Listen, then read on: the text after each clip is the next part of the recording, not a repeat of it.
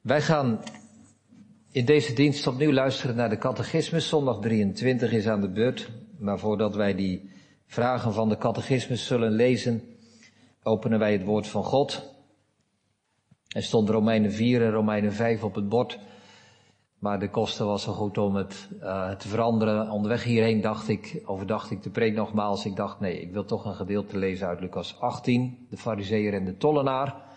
Dus dat is de schriftlezing. Um, hoofdstuk 18 vanaf vers 9 tot en met 14. En daarna lezen we zondag 23. Lucas 18 vanaf vers 9. En Jezus sprak ook met het oog op sommigen die van zichzelf overtuigd waren dat zij rechtvaardig waren en alle anderen minachten. Deze gelijkenis. Twee mensen gingen naar de tempel om te bidden. De een was een fariseer en de ander een tollenaar. De fariseer stond daar en bad dit bij zichzelf. O God, ik dank u dat ik niet ben zoals de andere mensen, rovers, onrechtvaardigen, overspelers of ook als deze tollenaar. Ik vast tweemaal per week. Ik geef tiende van alles wat ik bezit. De tollenaar bleef op een afstand staan en wilde ook zelfs zijn ogen niet naar de hemel opheffen, maar sloeg op zijn borst en zei, O God, wees mij, de zondaar, genadig. Ik zeg u, deze man ging gerechtvaardigd terug naar zijn huis, in tegenstelling tot die andere. Want ieder die zichzelf verhoogt zal vernederd worden en wie zichzelf vernedert zal verhoogd worden. Aansluitend de catechismus. Zondag 23, vraag en antwoord 59 tot en met 61. Maar wat baat het u nu dat gij dit alles gelooft? Ik denk niet dat ik hier de hertaling heb. Nou ja, ik lees de oude versie. Wat baat het u nu dat gij dit alles gelooft dat ik in Christus voor God rechtvaardig ben en een erfgenaam van het eeuwige leven. Vraag 60. Hoe zijt gij rechtvaardig voor God? Antwoord alleen door een waar geloof in Jezus Christus. Alzo dat, al is het dat mij mijn conscientie aanklaagt, dat ik tegen al de geboden van God zwaarlijk gezondigd en geen daarvan gehouden heb, en nog steeds tot alle boosheid geneigd ben, nochtans God zonder enige verdienste mijnerzijds uit louter genade mij de volkomen genoegdoening, gerechtigheid en heiligheid van Christus schenkt en toerekent. Evenals had ik nooit zonde gehad nog gedaan. Ja, als had ik zelf al de gehoorzaamheid volbracht die Christus voor mij volbracht heeft. In zoverre ik zulk een weldaad met een gelovig hart aanneem. Vraag 61. Waarom zegt gij dat gij alleen door het geloof rechtvaardig zijt? Niet dat ik vanwege de waardigheid van mijn geloof Gode aangedaan ben, maar daarom dat alleen de genoegdoening, gerechtigheid en heiligheid van Christus mijn gerechtigheid voor God is. En dat ik die niet anders dan alleen door het geloof aannemen en mij toe-eigenen kan. Tot zover. Thema boven de preek is de stem van God. Het gaat over rechtvaardig verklaring. Dat is een uitspraak. De stem van God die dat verklaart en uitspreekt. Dus dat heb ik als thema boven de preek gezet. De stem van God. Drie gedachten. Ten eerste, wie zijn rechtvaardig? Aan de hand van vraag en antwoord 59. Hoe ben ik rechtvaardig? Vraag en antwoord 60. En de derde vraag in de preek, waarom geloof ik? Vraag en antwoord 61 van de catechismus. De stem van God, ten eerste, wie zijn rechtvaardig? Ten tweede, hoe ben ik rechtvaardig? En ten derde, waarom geloof ik? Gemeente, het onderwerp van de rechtvaardiging. Ik heb uh, in de voorbereiding eerst eens nagedacht over wat voor gedachten zo'n onderwerp bij ons op kan roepen. Ik denk dat er globaal twee reacties zijn. Sommige mensen zeggen, ja, ik heb er eigenlijk helemaal niet zoveel mee. Als je kijkt in de breedte van de kerk, misschien ook onder jongeren, die wellicht heel betrokken zijn, Maar die zeggen, ja, de rechtvaardiging, wat is dat? Moet het daarover gaan? Dat is de ene reactie. Andere reactie kan zijn dat mensen zeggen, die rechtvaardiging, dat is voor mij zo'n beladen onderwerp. Het is de ontdekking van de reformatie geweest. De kerk is erom gescheurd destijds. En Luther zei, de kerk staat of valt met de leer van de rechtvaardiging. Nou, dan is het toch wel een heel belangrijk thema. Dus daar, om daarmee te beginnen, gemeente, sommigen zullen ons, van ons zullen misschien wel hebben uitgekeken naar, naar een preek over deze zondag. Of er tegenop zien. Andere mensen zeggen, ja, ik heb er juist helemaal niet zoveel mee. Wat ook wel meespeelt is dat het een uh, wat moeilijker woord is. Rechtvaardiging, rechtvaardigheid, gerechtigheid, rechtvaardig verklaring, rechtvaardige making. Al die woorden, ja, wat, wat wordt ermee bedoeld? Ze kunnen wel voorbij komen in een preek. Je kunt ze lezen in de Bijbel. Maar dan hebben we nog niet helder wat het betekent. En het zou maar zo kunnen dat een dominee zijn preek over zondag 23 vult met vooral die aandacht om maar uit te leggen wat rechtvaardiging is en wat rechtvaardigheid is. En dan krijg je een, ja, toch een, laat ik zeggen, een dogmatische, leerstellige preek. Maar juist dat zou erop kunnen wijzen, gemeente, dat we zo druk zijn om uit te leggen wat het betekent, dat we er niet toe komen om de kracht van deze boodschap te ervaren. Daarmee zouden we eigenlijk nog eerder onderstrepen dat het vooral toch wel een heel moeilijk leerstuk is. Waar je een complete preek voor nodig hebt om enkelvouden, enkel al uit te leggen waar het over gaat.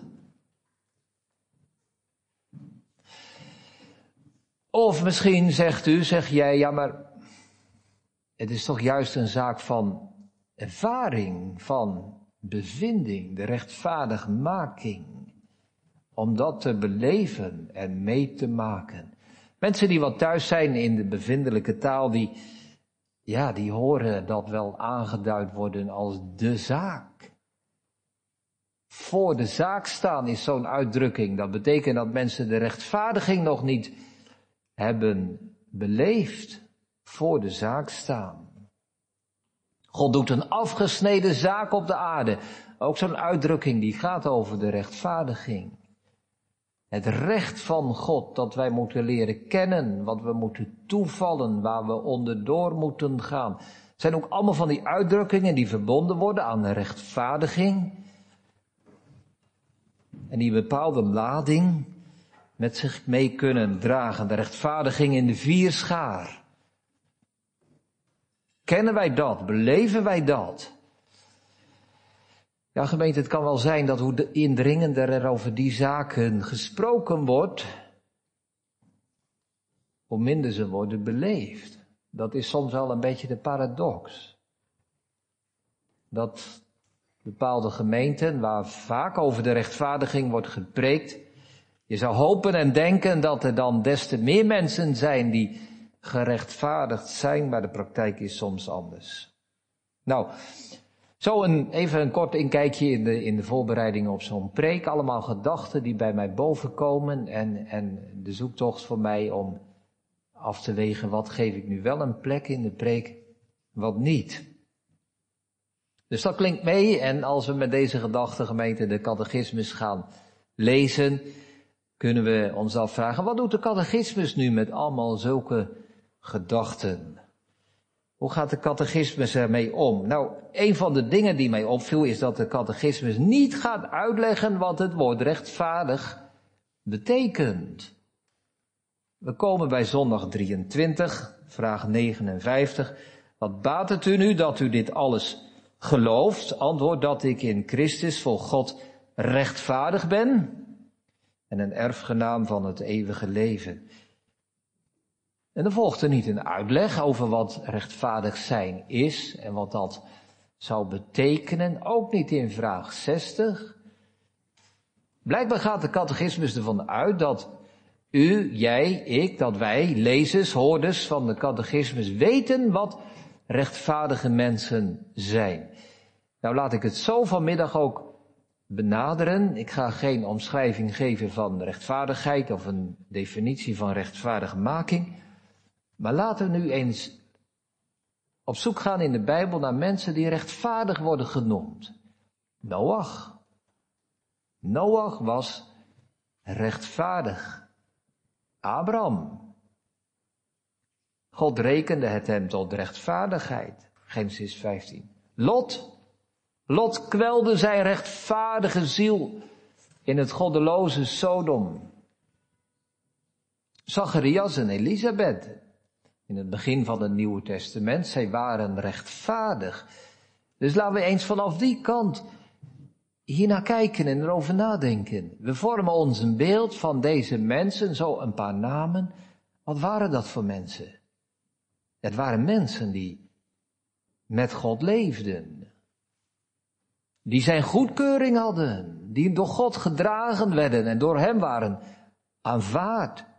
Nou, dat is rechtvaardig zijn. Rechtvaardig is het tegenovergestelde van goddeloos zijn. Maar nee, deze mensen waren niet goddeloos.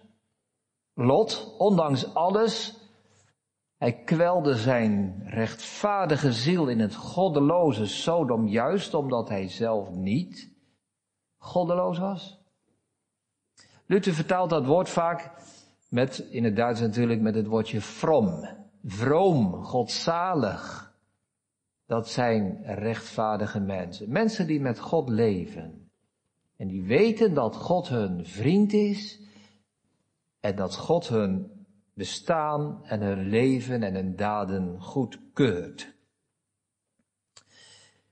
En zo komt de catechismus dus over de rechtvaardiging te spreken. Nou, dus eigenlijk, wat, wat ik wel verrassend vond, gemeente, is dat er helemaal geen breuk zit of zo, maar dat het zo doorgaat. Wat baat het u nu dat u dit alles gelooft?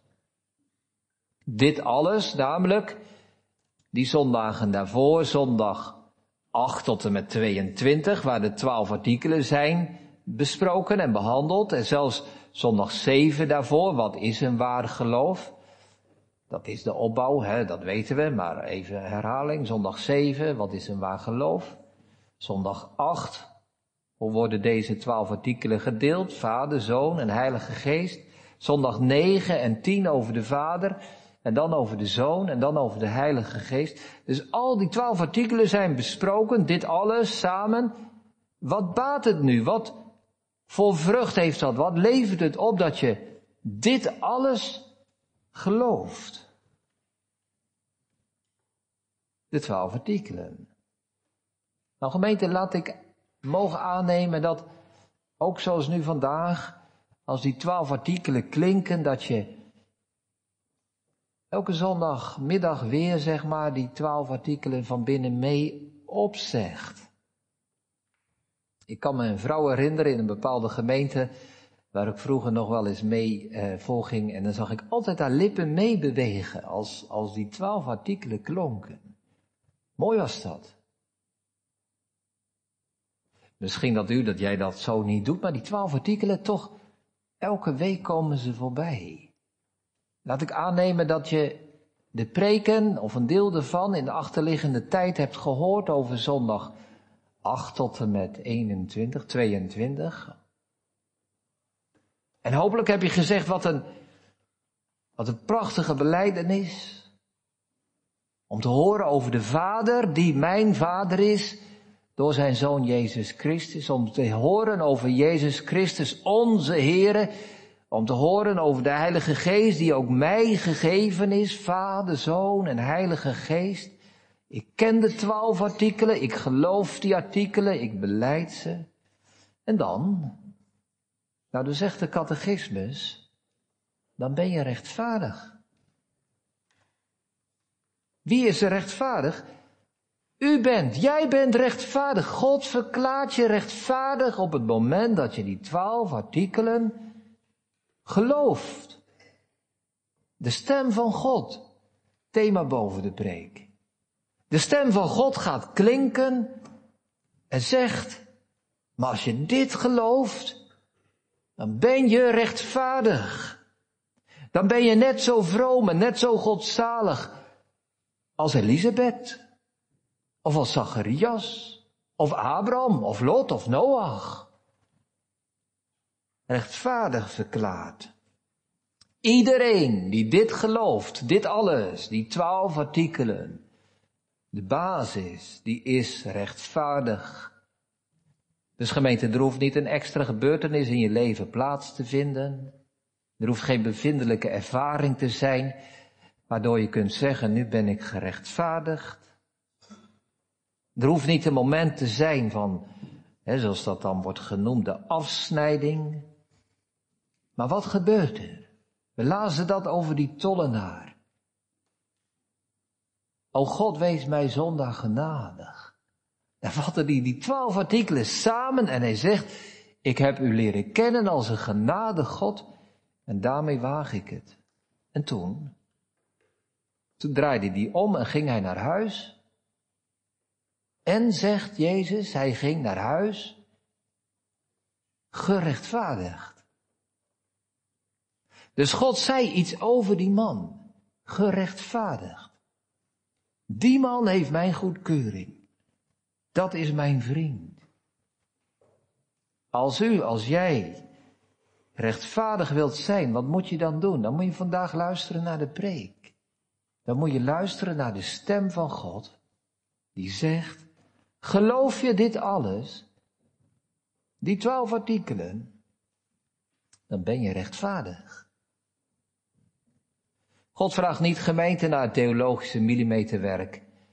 Dat je heel precies weet wat die tekst en dat betekent, maar het algemene katholieke geloof van duizenden jaren al, die, die, die basis, die samenvatting, geloof je dat? Vader, Zoon en Heilige Geest. Dan ben je rechtvaardig. Dat zeg ik niet, dat is de stem van God die klinkt die je rechtvaardig verklaart. Dus gemeente, als sommige mensen zeggen, ja, maar hè, er zijn gelovigen die wel gerechtvaardigd zijn, er zijn andere gelovigen die staan nog voor de zaak, die zijn niet gerechtvaardigd. Dan gaan ze tegen de catechismus in en dan gaan ze tegen de Bijbel in. Kijk, dit is ook zo'n afweging die ik heb gemaakt in de preek. Moet ik dit er nu bijhalen of moet ik het maar achterwege laten. Het kan zo kritisch klinken, hè.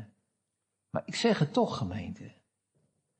Als Luther gelijk had, hè, dat die leer van de rechtvaardiging de zaak is waar de kerk mee staat of waarmee die valt, waardoor die instort. Nou, zulke kerken storten in. Als zij zeggen dat er nog wat extra nodig is dan alleen maar dit alles geloven? Als ik nu vanmiddag zou zeggen, ja, maar sommigen in ons midden, die zijn wel gerechtvaardigd. En anderen hier, die zijn, ja, het zijn denk ik wel gelovigen, maar die zijn nog niet zo ver. Die zijn nog niet gerechtvaardigd. Ja, dan zou ik een boodschap brengen waarmee de kerk ondersteboven gaat. Waarmee de kerk instort. Iedereen die zegt, dit geloof ik, dit alles, die twaalf artikelen, die mag nu de stem van God horen, die zegt, gerechtvaardigd.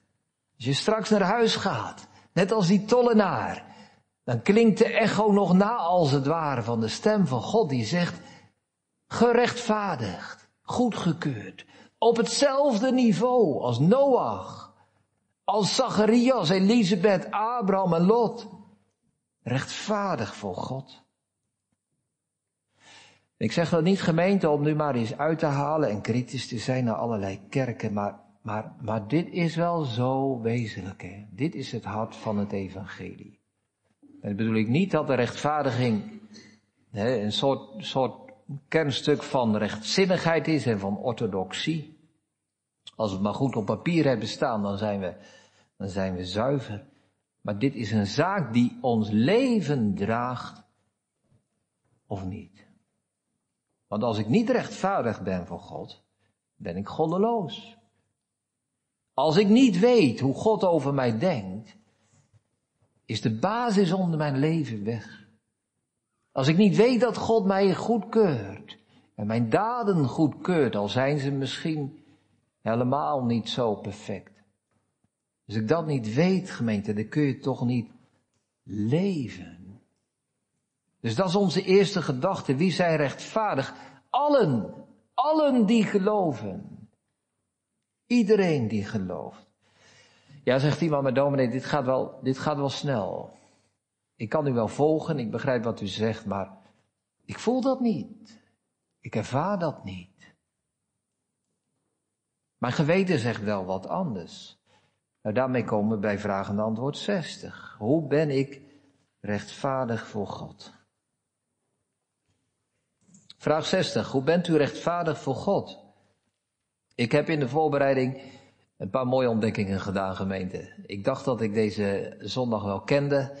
En toch, en toch, je kunt het lezen en nog eens aandachtig lezen. En een paar verrassende dingen vielen mij op. Het eerste was iets over die vraag. Wat betekent dat nu? Hoe bent u rechtvaardig voor God? Is dat een beetje ouderwets Nederlands voor hoe wordt u rechtvaardig? Volgens mij niet. Wat betekent het dan? Hoe bent u rechtvaardig voor God? Volgens mij betekent het dit. Hoe bent u als je rechtvaardig bent voor God? Anders gezegd, in wat voor toestand ben je nu als je rechtvaardig bent? Hoe ben je als God je rechtvaardig? Waar vindt hij jou? Waar treft hij jou aan? Hoe ben je dan?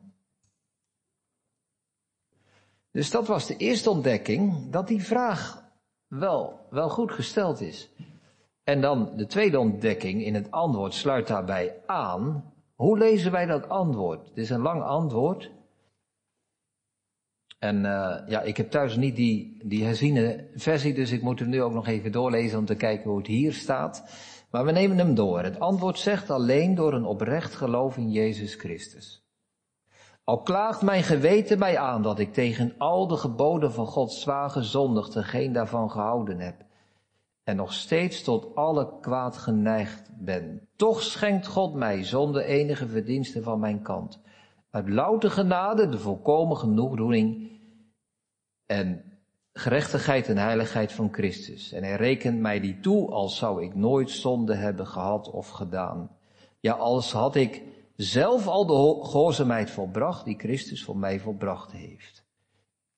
Nou, er worden twee toestanden beschreven. Als ik dat goed zie, zegt de catechismus, wat voor toestand moet ik nu zijn?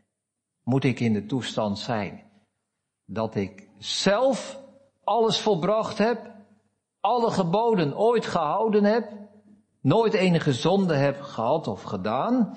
Dat is dus verderop in het antwoord het slot. Wij zijn geneigd om te denken, ja, je moet toch wel minstens iets in jou hebben wat goed is. En de tweede toestand waar het antwoord mee begint is dat mijn geweten mij aanklaagt en terecht dat ik tegen al de geboden van God zwaar gezondigd en geen daarvan gehouden heb. Dus als we dat leggen naast die gelijkenisgemeente, dan zien we twee mensen. De ene is een tollenaar en die heeft helemaal niks. Behalve dan een heel zondig hart. De andere is een fariseer. Die God dankt en, en terecht.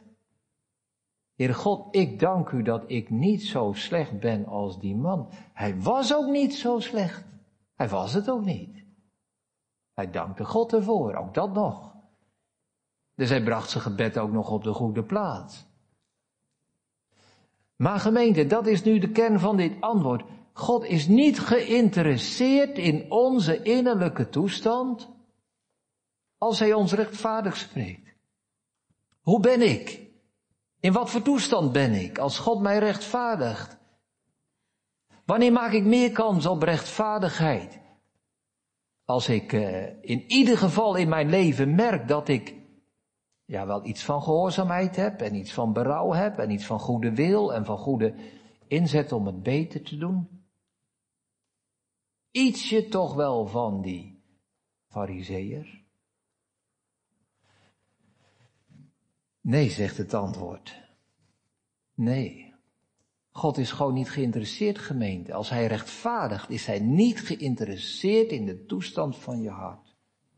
Dus als je hier vandaag zit, je zegt, mijn geweten zegt tegen mij en terecht dat ik nog steeds zonde doe, dat ik tegen alle geboden van God gezondigd heb, dat ik bovendien nog steeds geneigd ben om te zondigen.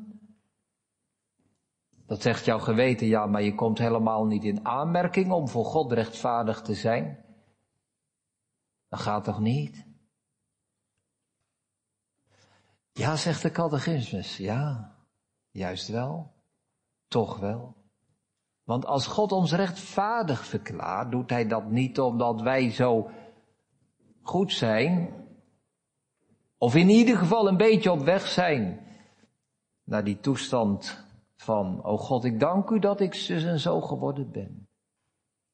En God kijkt zozeer alleen naar de genoegdoening, de gerechtigheid en heiligheid van Christus, dat hij jou, uw, mijn toestand gewoon compleet buiten beschouwing laat. Dus als je hier zit en je weet van jezelf heel goed dat je een zondaar bent en nog steeds tot zonden geneigd bent, dan zegt God nog steeds rechtvaardig. Als je maar gelooft. Dus dat gemeente, dat is zo belangrijk, dat wij onze eigen innerlijke toestand wel waarnemen. En laat dat, ge, laat dat geweten maar spreken hoor. Maar dat we evenzeer tegelijk zeggen, de stem van God is voor mij belangrijker dan de stem van mijn geweten.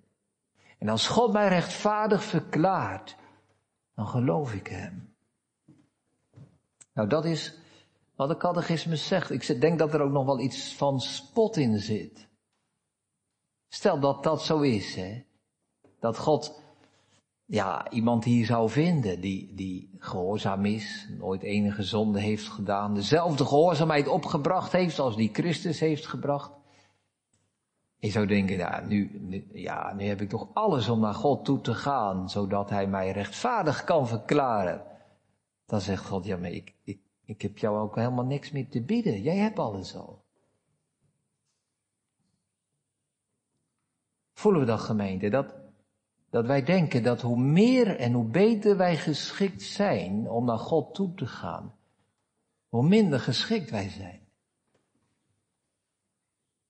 Hoe meer ik mee wil nemen om God te geven voor de rechtvaardiging en de vergeving, hoe minder ik in aanmerking kom voor vergeving, want ik, eh, ik heb gewoon te weinig zonde om vergeving te kunnen krijgen. Dus de catechismus die spot daarmee en die zegt, jouw zonde, zelfs die zondige aard, maakt jou een geschikt voorwerp voor Gods rechtvaardiging. Want God is op zoek naar goddeloze, zondige mensen, die hij vrijspreekt niet om wat zij doen en hebben en presteren en meebrengen, maar om wat Christus heeft gedaan. Nou gemeente, als wij van Christus willen leven, dan moet je daarmee stoppen. Om zoek te gaan in je eigen innerlijk. Wat was de ontdekking van Luther? Waarom vond Luther die rechtvaardiging zo belangrijk? Hij wist ook wel dat het offer van Christus noodzakelijk was. Dat zeiden alle collega's van hem in het klooster en dat zeiden alle theologische boeken. Natuurlijk lazen ze de Bijbel en zeiden ze dat Christus offer nodig was. Genade dan. Ja, die mensen hadden allemaal behoefte aan genade. Dat wisten ze ook allemaal. Dat God rechter is, is dat dan de ontdekking van u? Nee, dat hoorde hij uit een treuren. Hij hoorde bijna niet anders dan alleen maar dat. Dat God geloof vraagt dan. Ja, dat, dat zeiden die mensen ook. Ze lazen ook Romeinen en gelaten. Sommige mensen dan die rechtvaardig zijn en goddeloos. Dat wisten ze in de middeleeuwen natuurlijk ook. Wat dan gemeente? Wat was die ontdekking van Luther? Hij ontdekte dit, dat als God rechtvaardigt, dat hij niet kijkt naar de toestand van jouw hart.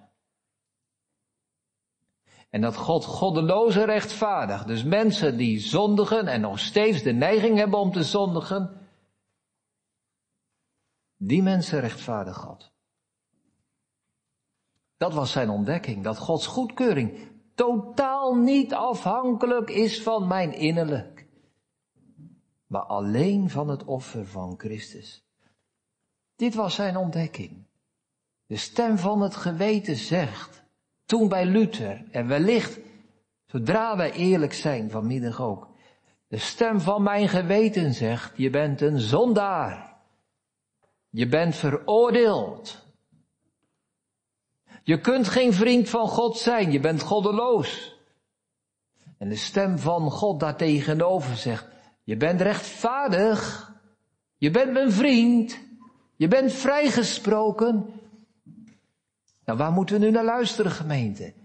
Naar allebei. Luister maar naar die stem van je geweten. Want de stem van je geweten spreekt de waarheid. Leg die stem niet het geweten, niet het zwijgen op. Maar luister bovenal naar de stem van God. Die vandaag zijn goedkeuring, zijn genade uitspreekt. En hij zegt, ik schenk jou, ik reken jou toe. De volkomen genoegdoening, heiligheid, gerechtigheid van Christus. Uit louter genade. Nochtans, toch doet God dat. Dat is onze tweede gedachte. Hoe ben ik rechtvaardig?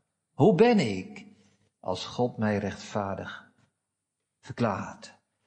En dan gaan we naar onze derde gedachte. Waarom geloof ik? Want dat kan ons niet ontgaan als wij deze zondag lezen.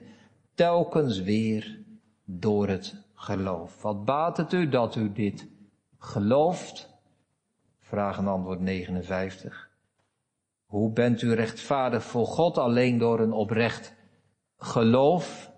Vraag en antwoord 60. Het slot van 60, voor zover ik deze wel dat met een gelovig hart aanneem. En dan 61, nog veel verder. Waarom zegt u dat u alleen door het geloof rechtvaardig bent? Niet omdat ik vanwege de waarde van mijn geloof God welgevallig ben, maar omdat alleen de genoegdoening, gerechtigheid en heiligheid van Christus mijn gerechtigheid voor God uitmaken. En staat er dan, en dat ik die niet anders dan alleen door het geloof kan aannemen en mij toe-eigenen. Alleen geloof, alleen geloof, alleen geloof. Keer op keer op keer zegt de catechismus dat. Waarom? Waarom is dat zo belangrijk? Vraag en antwoord 60 zegt, geloof is voldoende. Niet mijn innerlijke toestand. Niet mijn goede werken. Niet mijn berouw. Niks. Alleen geloof is voldoende. Maar dan zegt vraag en antwoord 61, maar zonder geloof gaat het niet. Dus geloof is voldoende, maar geloof is ook noodzakelijk. Er is maar één manier waarop wij rechtvaardig kunnen worden. Dat is door het geloof. Meer hebben we niet nodig. Minder gaat niet. Waarom is dat zo?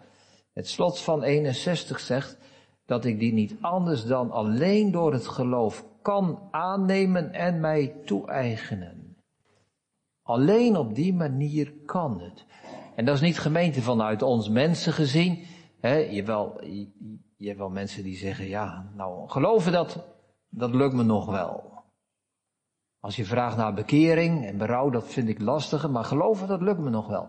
Dan benader je de vraag vanuit de mens. Dat is totaal niet de bedoeling. We moeten het vanuit God bezien. Waarom heeft God nu dat middel van het geloof ingesteld? Waarom? Had God een ander middel kunnen geven? Nee, gemeente, dat had hij niet gekund.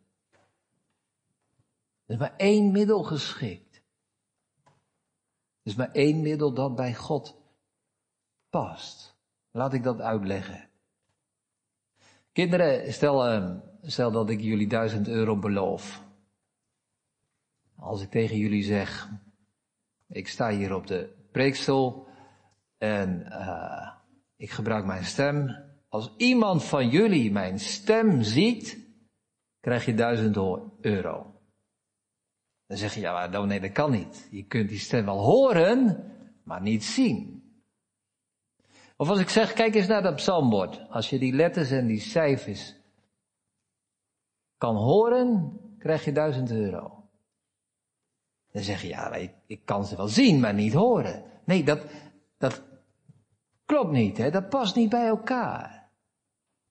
Nou, zo gemeente, als God zou zeggen, doe maar je best, ga maar werken voor je zaligheid, voor je rechtvaardiging. Dat zou net zo, net zo niet passen als het voorbeeld om een stem te zien of om het psalmbord te horen. Als wij iets zouden moeten meebrengen voor God, zou God geen God zijn. Want God heeft alles. God is zo vol zaligheid dat God niets van ons kan ontvangen. Wij kunnen het ook niet opbrengen, dat komt nog eens bij ook. Maar al zouden wij iets mee kunnen brengen, gemeente, het past niet bij God. Want God kan niets ontvangen, God kan alleen maar geven. God kan alleen maar uitdelen. God, zegt de Nederlandse geloofsbeleiders, is een overstromende bron van goedheid. Het is een fontein waar de genade uit opborrelt. En God belooft zijn gaven te geven en het werk van Christus uit te delen. Hoe kom ik eraan? Moet ik dan aan God wat gaan geven? Nee, nee, dat gaat niet. Je kunt het alleen ontvangen. Moet ik dan wat meebrengen naar God? Nee, dat gaat niet. Dat past niet bij God. Je kunt van God alleen maar krijgen. Als God wat belooft, gemeente, is de enige reactie dat ik hem geloof. Ik moet hem niets aanbieden, ik mag het aannemen. En daarom heeft God dat middel van het geloof verbonden aan de rechtvaardiging. Dat is niet zomaar een keuze. God had ook nog duizend andere dingen kunnen bedenken. Nee. Alleen door het geloof kunnen wij dit aannemen en ons toe-eigenen, zegt de catechismus. En Romeinen 4 vertelt over Abraham dat hij God de eer gaf omdat hij God geloofde. Ja gemeente, laat ik het zo zeggen. Misschien kunnen wij God één ding geven. Eén ding geven, namelijk de eer geven. De eer geven van zijn genade. De eer geven omdat God zo'n goede God is. De eer geven dat God met ons bewogen is. De eer geven dat God betrouwbaar is. En doet wat hij zegt en belooft. God de eer geven dat hij zelf zijn eigen zoon niet gespaard heeft, maar voor ons heeft overgegeven. En hoe geven wij God de eer? Wij geven God de eer als we hem geloven. Romeinen 4, vers 20. Dan eren wij God als wij geloven.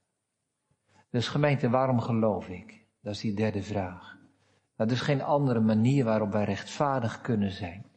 Waarop wij gered kunnen worden dan geloven. Maar dat geloof is noodzakelijk. Zonder dat geloof heb ik niets, ontvang ik niets. Zonder dat geloof kan ik nog zoveel als ik maar wil naar God toeslepen en proberen Hem aan te bieden. Maar het werkt niet. Het past niet bij deze genadige God. Als ik dan niet geloof, zegt iemand, ja, dan ben je niet rechtvaardig. En als je niet rechtvaardig bent, dan ben je goddeloos. En als je goddeloos bent, dan ben je godloos. Dan ben je zonder God. Zonder deze God, deze genadige God, deze reddende God. Alleen geloof, gemeente, alleen geloof. Er is eigenlijk maar één echte zonde, zegt Luther keer op keer. Al die andere zonden die wij doen, daar is vergeving voor. Er is maar één echte diepe zonde en dat is ongeloof. En wat is ongeloof? Ongeloof laat God geen God zijn. Ongeloof zegt dat God een leugenaar is. Ongeloof denkt dat God niet doet wat hij belooft. Eén echte zonde. Het ongeloof laat deze God niet God zijn. De God die redt. De God die genade geeft. De God die rechtvaardig spreekt. De God die ons geeft wat wij nodig hebben en niet missen kunnen. En die God gemeente, die spreekt vandaag, nu aan het einde van de preek herhaal ik het. Hij noemt u, hij noemt jou rechtvaardig. Geloof je dat? Zo zijn we de preek begonnen met die twaalf artikelen, die bekende, overbekende artikelen van het geloof. Als je die gelooft, spreekt God je rechtvaardig. En als je die boodschap hoort in de preek dat je rechtvaardig bent, geloof je dat? Geloof je dat? Er is maar één manier waarop je dit kunt aanvaarden. Door ook dat te geloven. En ik dacht gemeente opnieuw. Ik heb het vaker gedacht, maar bij deze preek heel sterk in de voorbereiding. Ik vertel hier over dingen die ons verstand ver te boven gaan. Onze emoties te boven gaan, ook die van mij. Ik ben de hele week bezig geweest in de voorbereiding op deze preek. En ik besef het gemeente, dit gaat over zaken waar wij, waar wij met ons menselijke verstand en met onze emoties en gevoelens niet bij kunnen. Dit gaat veel hoger, rechtvaardig te zijn voor God of goddeloos te zijn voor Hem. Maar al kunnen wij er niet bij, het is wel de werkelijkheid. Het is wel de waarheid. En wij zullen geoordeeld worden op die ene vraag van geloof. Wie niet gelooft, zegt Jezus, is al veroordeeld. Wie wel gelooft, wordt niet veroordeeld, maar is rechtvaardig. Vandaag geen ruimte voor nuances, gemeente. Vandaag geen derde groep mensen. Vandaag geen uitzonderingen en geen variaties. Hier spreekt de stem van God. Als wij naar huis gaan, vallen we in de groep van de Fariseeërs die man ging ook op weg naar huis. Maar hij had niet de stem gehoord die zei, je bent rechtvaardig. Of die groep van de tollenaar. Hij ging heen naar huis, gerechtvaardig. Toen de vader van Luther, andere Luther die ik noem, toen de vader van Luther sterven ging, gemeente, daar zal ik mee afsluiten. Toen de vader van Luther sterven ging, kon zijn zoon Maarten Luther niet bij hem zijn en hij stuurde een brief aan zijn oude vader. En de verhouding tussen vader en zoon was niet altijd makkelijk geweest. Het had wel eens gebotst en geclashed. En die vader had ook heel wat mee moeten maken omwille van zijn zoon. Het is lastig voor ons om na bijna 500 jaar te, te peilen. En wat heeft er nu geleefd in het hart van die vader Hans Luther? Heeft hij echt dat geloof van zijn zoon, de boodschap van zijn zoon ook zelf kunnen geloven of niet? Maar toen hij sterven ging, kreeg hij een brief van zijn zoon Maarten, die niet naar hem toe ging. En nog één keer legde zoon Maarten het evangelie uit en vertelde die over de genadige God. En ze lazen de brief voor aan de oude Hans Luther. En ze vroegen hem, wat doen deze troostwoorden met u? En toen zei die man, ai, als ik dat niet zou geloven, dan was ik een schurk. Wat zit er achter die woorden? Ik weet het niet, ik ken zijn hart niet. Maar er zit toch wel wat moois in. Iets waars.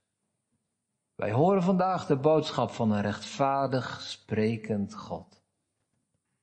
Als je dat niet gelooft, dan ben je een schurk. Dan ben je een goddeloze. En daarom, geloof zijn heil en troostrijk woord verraad je niet, maar laat je leiden. Amen.